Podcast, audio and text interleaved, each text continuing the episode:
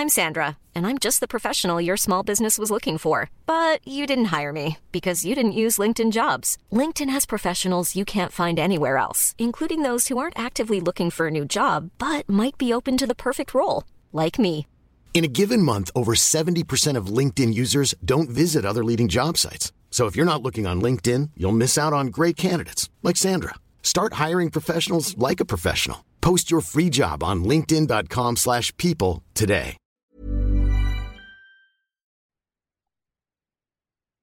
Halo pendengar GGMI Podcast, baik lagi bersama kita berdua. Dan mumpung season sudah berakhir dan menunggu terjadinya FIFA Match Day, kita mau ngebahas satu buah rumor yang sangat kental dan sangat romansanya kuat dikarenakan adanya potensi perpindahan kepemilikan dan entah gimana caranya nama pemain ini tiba-tiba langsung dari mulai pagi kita kita hari take sampai sekarang itu masih menjadi trending Twitter terkait dengan Kylian Mbappe yang dikabarkan akan berpindah home ya, home club dari PSG ke klub lain dan salah satunya adalah MU yang dirumorkan. Dan ketika kita tag ini barusan gue juga lihat di YouTube yang Fabrizio Romano yang mengatakan dengan kondisi MU yang sekarang masih berada di tangan Glazer, mungkin transfer ini terlihat sangat tidak mungkin terjadi. Tapi kalau ada perpindahan tangan, hal ini bisa menjadi salah satu posibilitas. Nah, Vin, menanggapi Mbappe yang akan atau dirumorkan ke MU, gimana kalau ngebacanya, Vin? Ya ini sebenarnya seru banget ya kalau misalnya ada Saung karena dia kan sangat pemuja Mbappe ya. Jadinya um, kalau misalnya berdua ini kayak ya mungkin cuma one sided cuma ya oke okay lah ya karena Saung juga lagi sakit. Cuma ketika Mbappe ini akhirnya dikaitkan untuk pergi sebetulnya itu bukanlah hal yang baru.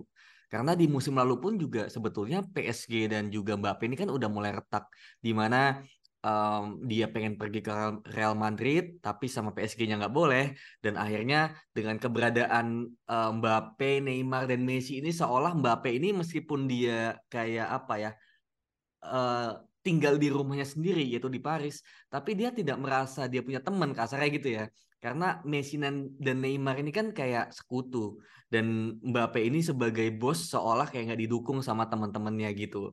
Yang mana yang dimaksud adalah tadi yang Neymar dan Messi gitu. Dan akhirnya um, yang kita apa ya kita prediksi dia bakal pindah ke Real Madrid ternyata malah dia perpanjang kontrak kan dua tahun sampai 2000 eh tiga tahun ya sampai 2025 dengan banyak privilege kayak dia bisa nunjuk pelatih, dia bisa nunjuk sporting director, dia bisa nunjuk siapa yang mau dibeli. Itu kan gila gitu. Sampai akhirnya dia bermain lagi sampai akhir musim ini, kemudian Messi udah pasti cabut, Neymar juga katanya mau cabut dan sekarang Mbappe pun mau cabut gitu. Jadi sebenarnya memang um, ya Mbappe emang udah nggak pengen di PSG sih gitu dan kita semua tahu bahwa dia tuh pengennya ke Real Madrid gitu. Cuma memang um, apa ya kayak kayaknya yang gue baca-baca juga PSG ini si Nasser ini nggak mau jual ke Real Madrid itu kayak ada sebuah intrik-intrik khusus yang gue bakal jual Mbappe tapi gue nggak mau ke Real Madrid gitu. Jadi memang ketika itu terjadi Mbappe katanya nggak mau perpanjang kontrak yang mana tinggal setahun lagi dan kemudian MU juga sahamnya tiba-tiba naik ya sekitar 16% dan segala macam akhirnya itu dijadikan sebuah apa ya mungkin benang merah ya bahwa mungkin sebetulnya MU udah diakuisisi sama Qatar kemudian Qatar ingin memindahkan Bapak ini ke cabang Qatar yang lain gitu kan dari cabang Paris ke cabang Manchester gitu. Jadinya itu dikait-kaitkan gitu. Ya ini sebenarnya masih menjadi sebuah possibility juga sih buat gue. Cuma memang benar yang tadi kata Fabrizio, kalau di tangan Glazer ini nggak mungkin. Tapi kalau udah dipindah ke tangan Qatar, menurut gua apa pun jadi mungkin. Meskipun ya angkanya yang dipatok sama Nasser itu gede banget sampai 150 juta euro. Hmm, oke. Okay. Jadi memang ini seolah jadi kayak ini ya, multiply effect ya dari apa yang terjadi satu hal itu akan membuat adanya fenomena yang lebih besar lagi yang terjadi di uh, semesta lainnya gitu kan. Dalam arti antara PSG, MU dan mungkin Real Madrid. Karena tiga klub ini yang mungkin quote unquote ya punya dana yang cukup segar ya. Kalau Madrid emang mungkin terkenal karena klub besar dan menarik bintang. Dan mungkin bisa jadi ini adalah Los Galacticos di tiga ya. Walaupun memang mungkin proyeknya baru dimulai dari Jude Bellingham gitu kan.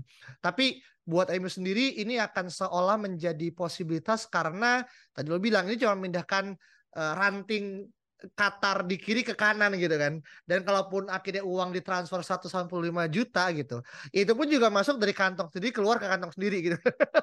Iya, iya. karena karena gak akan uangnya nggak akan pindah dari apa yang akhirnya menjadi duitnya Qatar gitu. Jadi menurut gue sih ini bisa dibilang kayak perpindahan kasbon aja gitu. Kayak lo pindahin dari debit ke kredit, kredit ke debit gitu. Kasarnya gitu ya. Kalau secara simplifikasinya gitu. Tapi nah ini jadi menarik nih terkait dengan bagaimana Mbappe akhirnya punya hak chance untuk akan pindah klub. Tapi dengan akhirnya dia akan pindah ke MU, menurut lo apakah dia adalah jawaban yang kita butuhkan? Karena kan juga kita pernah bahas masalah Neymar ya. Dan kita masih bisa ngeliat Neymar tuh bisa fit in di berbagai macam roles, dia versatile. Untuk Mbappe sendiri, kalaupun dia jadi, lu ngeliat dia akan mengisi posisi apa? Oke, kalau misalnya Mbappe jadi ya ke MU, posisi apa yang bakal dia tempati? Menurut gue adalah ya dia bisa menempati tiga posisi penyerang yang ada gitu, yaitu penyerang tengah, penyerang kiri, dan juga penyerang kanan. Penyerang kiri kanan ini maksudnya adalah sayap kiri sayap kanan ya, gitu. Karena memang Mbappe ini adalah forward yang versatile dan dia tuh nggak terpaku kayak misalnya uh, siapa ya Martial cuma bisa di tengah atau kiri doang gitu. Dia tuh benar-benar lebih rounded dan juga lebih dari Rashford juga. Rashford ini kan juga cuma bisa di tengah atau kiri doang kan, tapi ini Mbappe ini sama bisa di kanan. Awal-awal di PSG atau di uh, Perancis ya kalau nggak salah itu dia juga main di kanan kan. Gue ingat banget. Dia main di kanan kemudian Neymar di kiri atau siapa gitu yang di kiri. Sampai pada akhirnya sekarang ya Mbappe di kiri. Kemudian um, dia juga sesekali menjadi penyerang tengah dan itu memang bisa dilakukan gitu. Jadi memang sebenarnya ini adalah pemain yang sangat komplit dari sisi skill kemudian juga um, positioning juga, kemampuan mencetak gol, dia bisa melewati pemain, kemudian dia juga bisa kombinasi juga, passing, membuat peluang juga gitu. Jadi memang sebetulnya untuk masalah uh, kemampuan ya ini udah nggak diragukan lagi, memang bakal benar-benar uh, bukan sekedar memperbaiki ya, tapi bahkan meningkatkan MU jauh ke level-level yang lebih tinggi lagi gitu. Bahkan kalau misalnya kita mau membuat apa ya mungkin dua pemain terbaik di dunia pada saat ini let's say ya di Liga Inggris ya bisa dibikin head to head gitu antara Kylian Mbappe ini dan juga Erling Haaland yang ada di Manchester ah. City.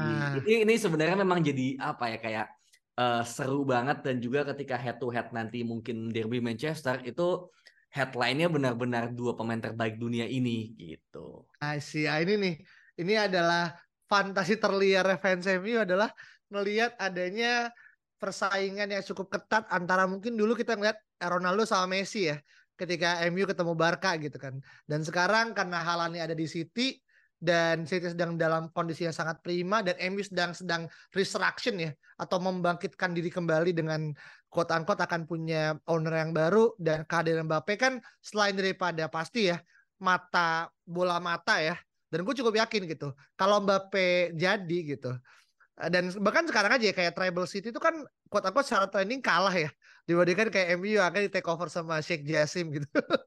Gimana ketika akhirnya Mbappe jadi ini bisa jadi salah satu hal yang mungkin sama hype ketika Ronaldo balik lagi ke MU kan tahun 2021 gitu. Jadi tiga kita menunggu bagaimana akhirnya uh, duel mega bintang ini akan terjadi di, di, di Manchester musim depan gitu.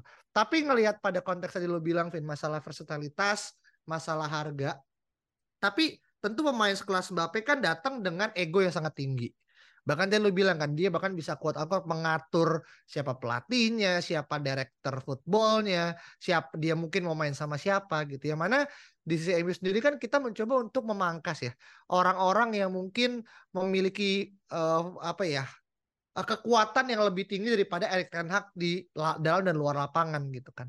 Nah, apakah ini tidak akan menimbulkan suatu masalah, Vin? Ya sedang coba untuk dikelola sebagai ego pemain yang tidak lebih tinggi daripada ego tim itu sendiri, Vin?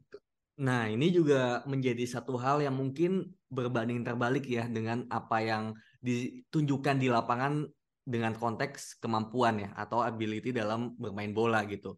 Memang masalah attitude ini kan adalah dan big ego ya adalah hal yang sangat menjadi sorotan gitu terutama di setahun terakhir bagaimana ada momen ya di bulan Agustus 2022 kalau ingat itu Mbappe uh, pokoknya PSG ini lagi counter attack Mbappe minta bola dan gak dikasih sama gue lupa Hakimi atau Messi dan kemudian dia berhenti lari dan udah nggak mau kayak apa ya, kayak ngambek gitu kayak ah gue nggak dikasih udahlah gue nggak usah ikut counter attack lagi gitu. Dan itu benar-benar dikritik abis-abisan oleh media bahkan sama Thierry Angri gitu. Dan ya memang pada akhirnya Iya pada saat itu dia dikritik gitu dan ada momen di mana kalau nggak salah dia bisa ngoper ke Messi tapi dia nggak ngoper gitu. Gue juga lupa itu di pertandingan mana tahun berapa. Tapi gue yakin kita semua ingat pasti ada momen di mana di Twitter kelihatan bahwa dia bisa oper Messi tapi dia memilih untuk nendang sendiri gitu. Jadi memang antara Mbappe dan Messi Neymar ini memang ada something gitu loh di luar daripada kemampuan dan taktik strategi memang ada momen di mana dia nggak mau kalah dan egonya setinggi itu. Mungkin kayak merasa ya ini pesaing gue gitu loh untuk menjadi yang terbaik dan gue bisa tunjukkan yang terbaik gitu. Cuma kan lu ada di dalam satu tim yang harusnya mungkin bahu membahu saling membantu tim untuk mencetak gol tapi lu nggak bisa teamwork ternyata gitu. Nggak bisa work as a team tapi lu malah mau apa ya bersinar sendirian lah mencuri spotlight sendirian gitu. Jadi itu memang menjadi sebuah hal yang sangat disayangkan gitu. Dan memang tadi ketika bicara privilege tadi ya dia di apa berikan kuasa untuk ini itu ini itu. Milih pelatih director of football mau beli pemain siapa pun itu dan kemudian gajinya juga tinggi banget gitu. Gue lihat gajinya itu seminggu 1,6 juta euro gitu.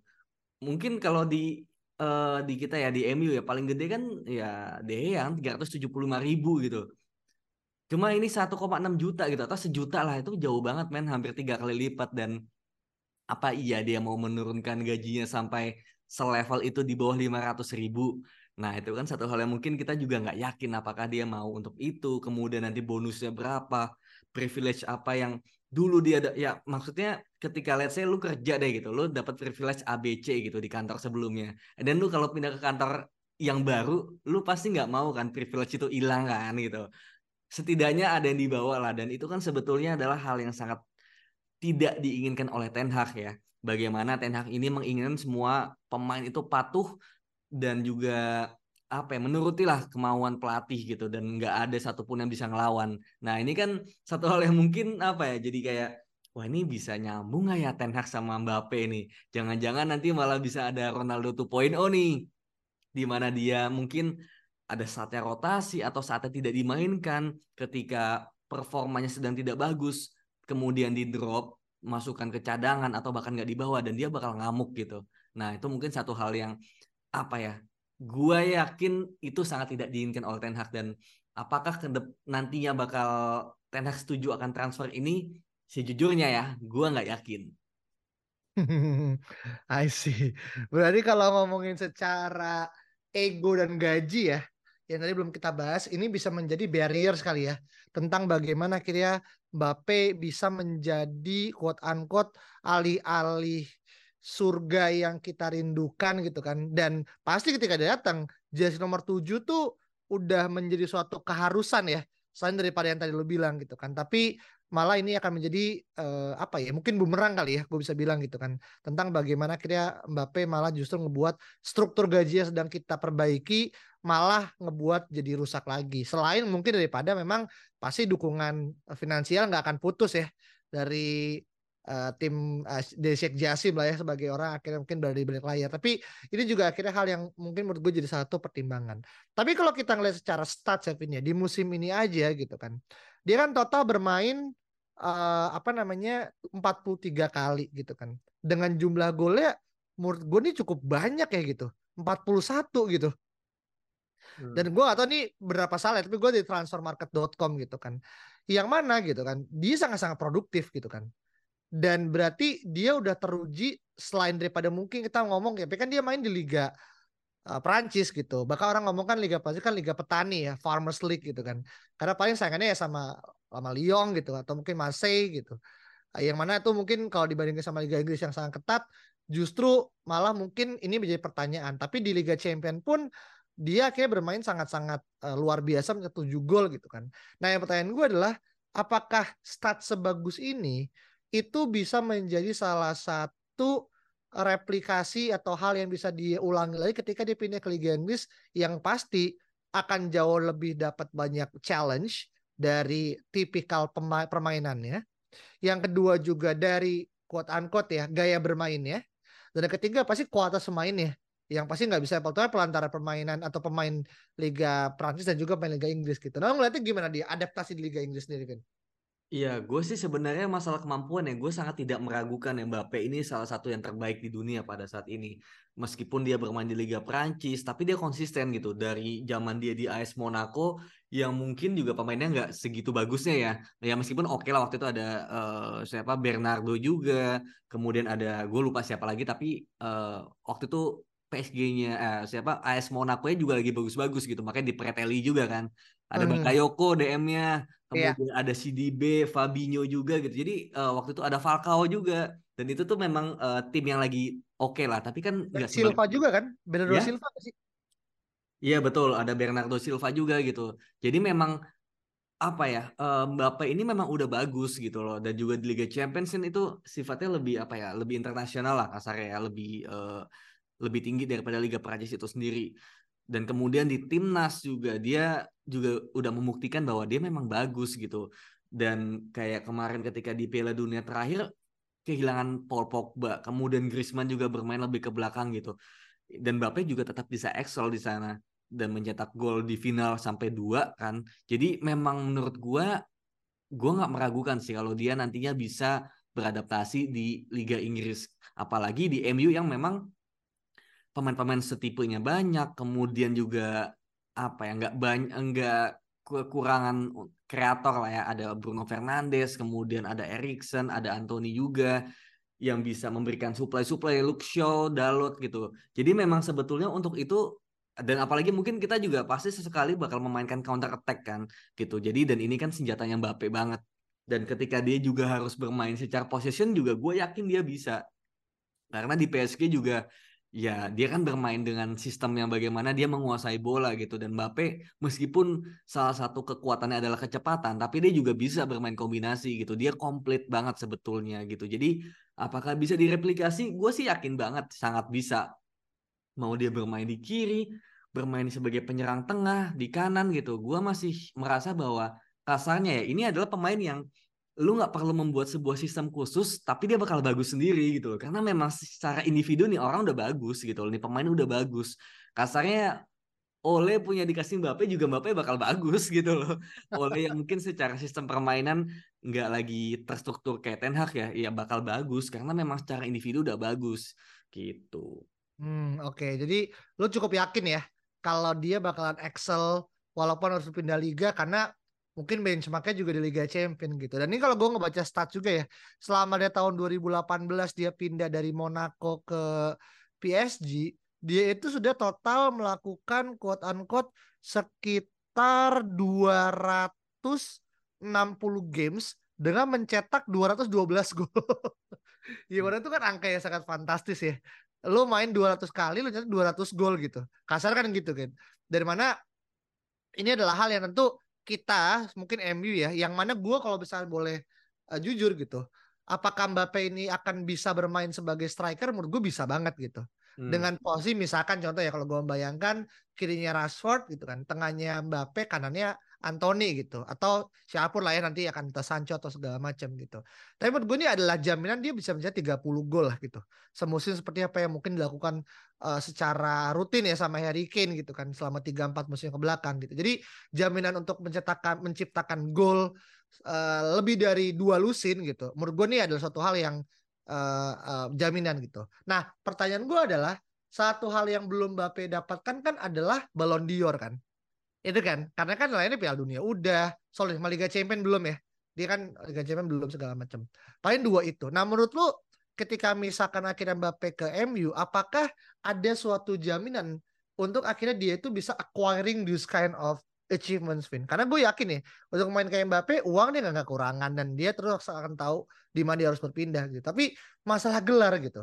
Di mana kan di PSG aja yang timnya sangat-sangat bertabur bintang gitu Ya di mana kita juga pernah ngalahin PSG ya di apa namanya uh, salah satu apa per, eh, per delapan final ya Liga yeah. Champions zaman mana Ole itu aja suatu keajaiban luar biasa gitu. Tapi setelah itu pun PSG juga nggak pernah uh, melaju sampai tahapan uh, meraih gelar gitu. Nah pertanyaan gue adalah apakah MU bisa menjadi modal transportasi Mbappe untuk meraih dua gelar tersebut nggak kira-kira Vin? Ya sebetulnya ini lagi-lagi ya tergantung dengan ya kebijakan klub bagaimana nantinya gitu untuk bagaimana bisa uh, mungkin bisa, bukan emang akomodir ya tapi membentuk tim supaya menjadi tim juara gitu.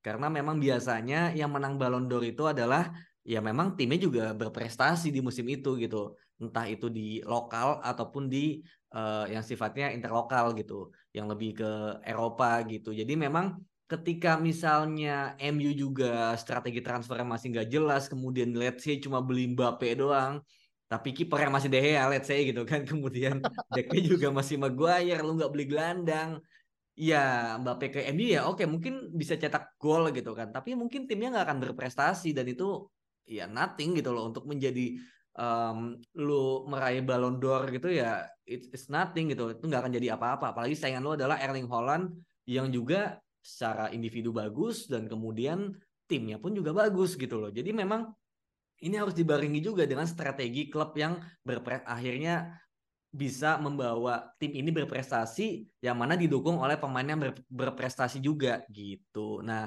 kalau pertanyaannya bisa atau enggak ya bisa-bisa aja sebenarnya kalau memang nantinya yang ambil adalah misalnya Qatar, beneran Qatar dan kemudian um, benar-benar menambah lubang yang memang bolong dan juga ya bisa ruthless gitu loh, bisa kejam dengan David De Gea yang misalnya langsung dikirim ke Arab gitu kan, kemudian juga Maguire dikirim ke London Utara gitu, kemudian Fred dikirim ke Fulham, Scott ke Newcastle gitu, bener-bener ya lu jual yang emang udah nggak sesuai dan beli pemain yang memang sesuai gitu loh.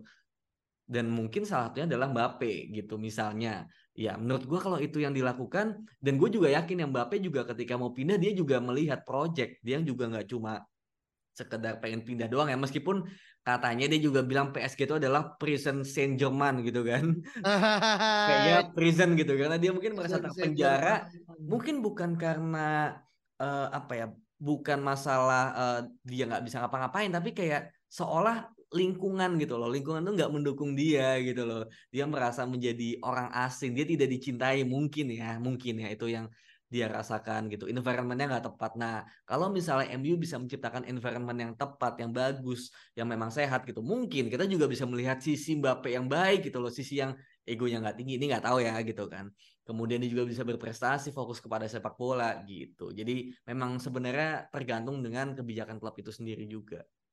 Oke Nice, berarti quote unquote kasarnya ini harapannya tergantung dari bagaimana MU ini ya uh, apa namanya punya semacam niat baik ya untuk menyediakan ruang untuk Mbappe supaya dia bisa mengaktualisasikan diri. Karena gue cukup yakin Vin, untuk Ballon d'Or tahun 2023 itu pasti akan jatuh maksudnya ke ke Erling Haaland gitu ya. Mungkin ya. Ini pengamatan gue ya. Karena dia as in secara season dia bisa menyelesaikan treble gitu kan dan pasti ini jadi satu uh, hal yang akhirnya cukup bisa ngebuat Mbappe mungkin uh, kepanasan gitu karena mungkin Halan nggak mungkin Halan belum pernah punya uh, apa gelar Piala Dunia gitu dan mungkin nggak akan pernah punya juga uh, dengan mungkin mempertimbangkan dia main di klub atau negara uh, Norway dan segala macam tapi apa yang didapatkan player as individu kan itu adalah pencapaian yang sifatnya personal gitu. Di mana pasti ada kebanggaan-kebanggaan yang uh, akan ditorehkan sebagaimana mungkin Messi dan Ronaldo yang mungkin udah punya lima gitu kan masing-masing dari mereka gitu. Nah terkait dengan bagaimana akhirnya transfer. Nah menurut lu gitu, ketika akhirnya Mbappe akan masuk ke MU gitu, apakah Ten Hag harus merubah strategi dalam porsi di mana akhirnya sangat-sangat signifikan karena untuk mau pleasing satu pemain atau sebenarnya Ten Hag bisa akhirnya mengakomodir Mbappe pada porsi dia sebagai pemain tanpa akhirnya mengubah apa yang menjadi fondasi MU yang udah ditanamkan sejauh ini, Vin? Ya, menurut gua ketika nantinya Mbappe datang gitu, menurut gua sih nggak akan banyak berubah ya, karena memang Mbappe ini dari sisi pemahaman taktik menurut gue juga udah cukup bagus. Kemudian dia juga bisa bermain di posisi mana pun gitu. Jadi memang dia malah melengkapi gitu loh. Cuma memang um, kalau yang gue baca juga dia lacking of defensive contribution ya gitu. Jadi mungkin kalau dia dipasang di kiri Iya mungkin ada momen di mana dia nggak terlalu track back gitu kan kayak misalnya Rashford kemudian kalau di depan mungkin dia pressing tapi nggak lagi yang apa ya high press kayak let's say Firmino gitu kan atau kayak Weghorst kasarnya ya kayak gitu. Dia tetap pressing tapi bukan yang pressing monster gitu. Jadi memang um, kalau strategi menurut gue nggak ada yang terlalu berubah justru perubahan strategi ini benar-benar bakal terjadi dan menuju ke strategi yang diinginkan oleh Ten kalau benar-benar kita mendatangkan memang pemain-pemain yang sentral gitu dalam let's say permainan kayak misalnya kiper, back tengah, gelandang, kemudian juga back sayap gitu. Nah, kalau penyerang ini ya menurut gua Mbappe bisa melakukan semuanya sih gitu. Jadi makanya tadi gue bilang masalah kemampuan dia udah nggak diragukan lagi bermain dalam segala macam taktik dan juga posisi ya. Cuma masalahnya ya tadi big ego dan kemudian juga bagaimana dia bisa um, apa ya mungkin patuh ya terhadap pelatih. Kalau misalnya pelatih bilang nggak main ya dia harus nurut dia nggak main dulu gitu. Hmm, meskipun agak ini ya agak sulit membayangkan kalau Mbappe akan lebih banyak di bangku. Iya nggak banyak, cuma kan kalau misalnya ternyata dia formnya lagi deep gitu, lagi jatuh, lagi nggak bagus mainnya, dan pemain lain lagi bagus ya dia harus terima dong gitu. I mean secara di atas kertas kan Mbappe emang bagus, tapi kita nggak ada yang tahu kalau ternyata dia lagi nggak bagus, mungkin mengalami hal yang sama kayak Sancho gitu ya lo terima gitu. Hmm, I see, I see. Iya, iya, iya, iya.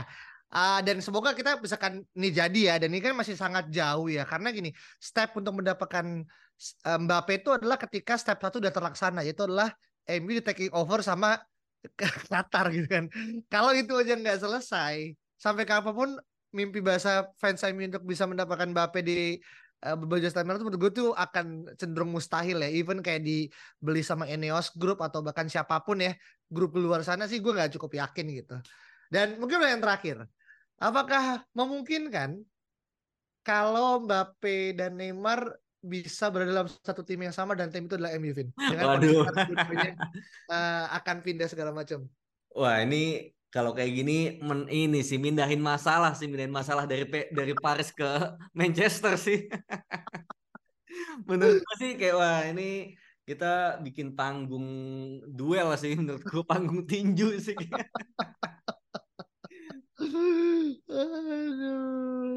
Ya menurut gue kalau misalnya kayak gitu ya pilih satu aja entah Neymar secara on loan gitu atau Mbappe dengan ya ketika ada duit Qatar lu sanggup gitu dan memang udah mempertimbangkan segala baik buruknya ya Mbappe aja gitu. Kalau bawa dua-duanya sih ya lu kita semua udah tahu lah ya gitu historinya gimana ya ngapain diulang lagi kan gitu. iya iya iya iya. karena menurut gue jadi menarik ya karena sama itu bisa terjadi ya. Maksudnya uh, ya power of money uh, anything can happen gitu kan cuma menurut gue kayak membayangkannya aja kita nggak sanggup gitu. Apalagi akhirnya melihat kalau dua pemain ini akan revealed sebagai satu squad line up gitu kan. Dan berarti kan pasti dua-duanya sebagai pemain week in week out ya. Nggak mungkin lu ngobrolin yang mana juga Mbappe untuk pemain rotasional gitu.